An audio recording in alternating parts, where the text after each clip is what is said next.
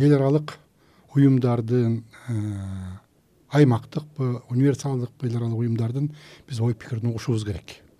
Алар бизге өтө керек абданчы муну биз сыйлашыбыз керек угушубуз керек.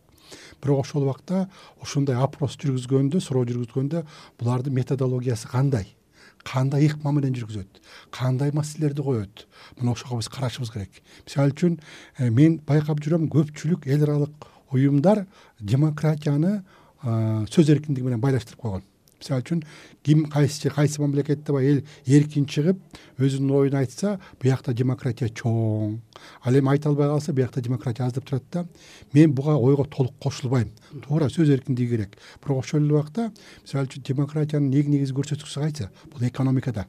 Мисалы үчүн элдин курсагы ток болсо эл деген ички тышкы миграцияга барбаса эл деген бала бакырасын бага алса мына ошондо эл демократияга жетет.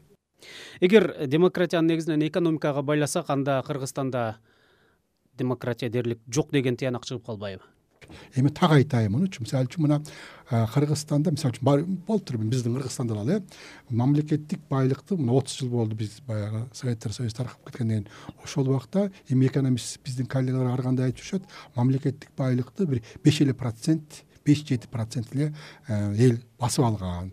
Ал эми калган токсон үч токсон беш проценти эч кандай байлыкка жетпей калган. Мисалы үчүн болуптур эми баягы үйлөрүн приватташтырышты а бирок баягы ири завод фабрикаларды ири объектилерди колхоз совхоздорду көпчүлүк баягы ири өндүргүч каражаттарын бул бир жети сегиз процент эл эметип алган да менчиктештирип алган.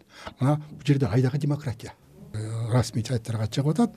Кыргызстанда дейт баягы азыркы убакта тышкы миграцияда миллион жүз сексен сегиз миң адам тышкы миграцияда жүрөт депчи.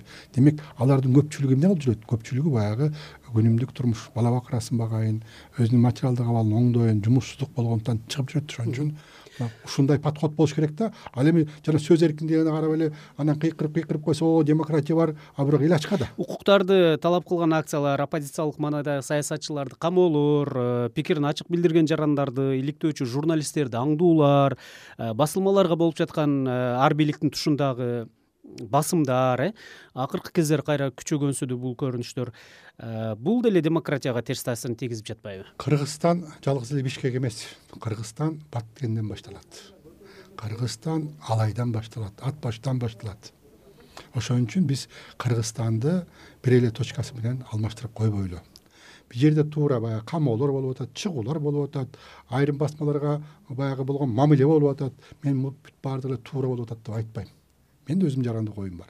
Бирок ошол эле убакта бир э, саясатчыны өзүн саясатчымын деген адамды камап коюп ал эми баткендеги элдер мисалы үчүнчү э баягы камайбы же камабайбы камалбай эле калсын эч кимдин жамандыктын кереги жок. Бирок баткендеги элдер дайыма биздин кошунанын баягы бутасында турат жашап атат да. Мына өткөндө көрдүк мына бутасында жашайт да. Мисалы үчүн мына короого снаряд түшүптүр ошол жерде неберелерим ойноп аткан эмес эшикке чыгып кеткен ошон үчүн аман калышты деп атат.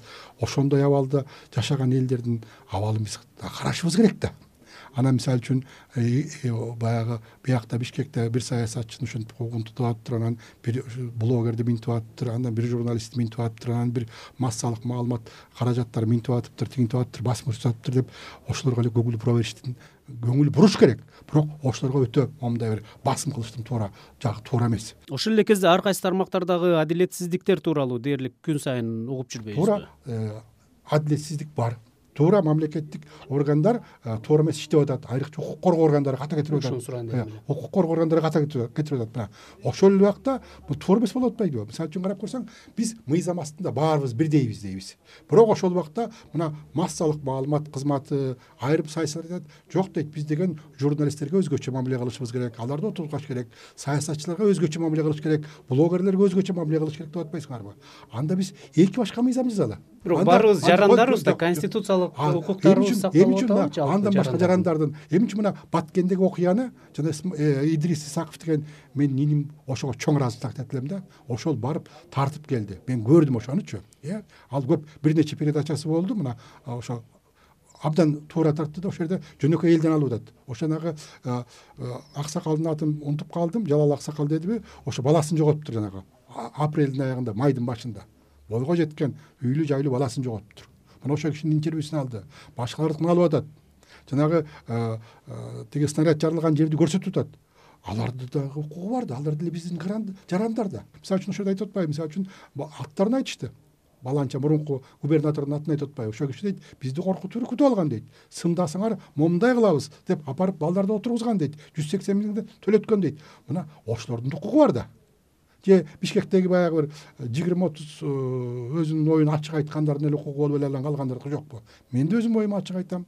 Бизде эмне жетишпейт? Адилеттүүлүк жетишпейт. Укук коргогондар дагы ошо саясатчылар дагы мыйзам астында бирдей жооп бериш керек. Сиз айткан мыйзамдуулукка канткенде жетчүдөйбүз? Бул өтө өкүнүчтүү бирок жете албай атабыз да ошогочу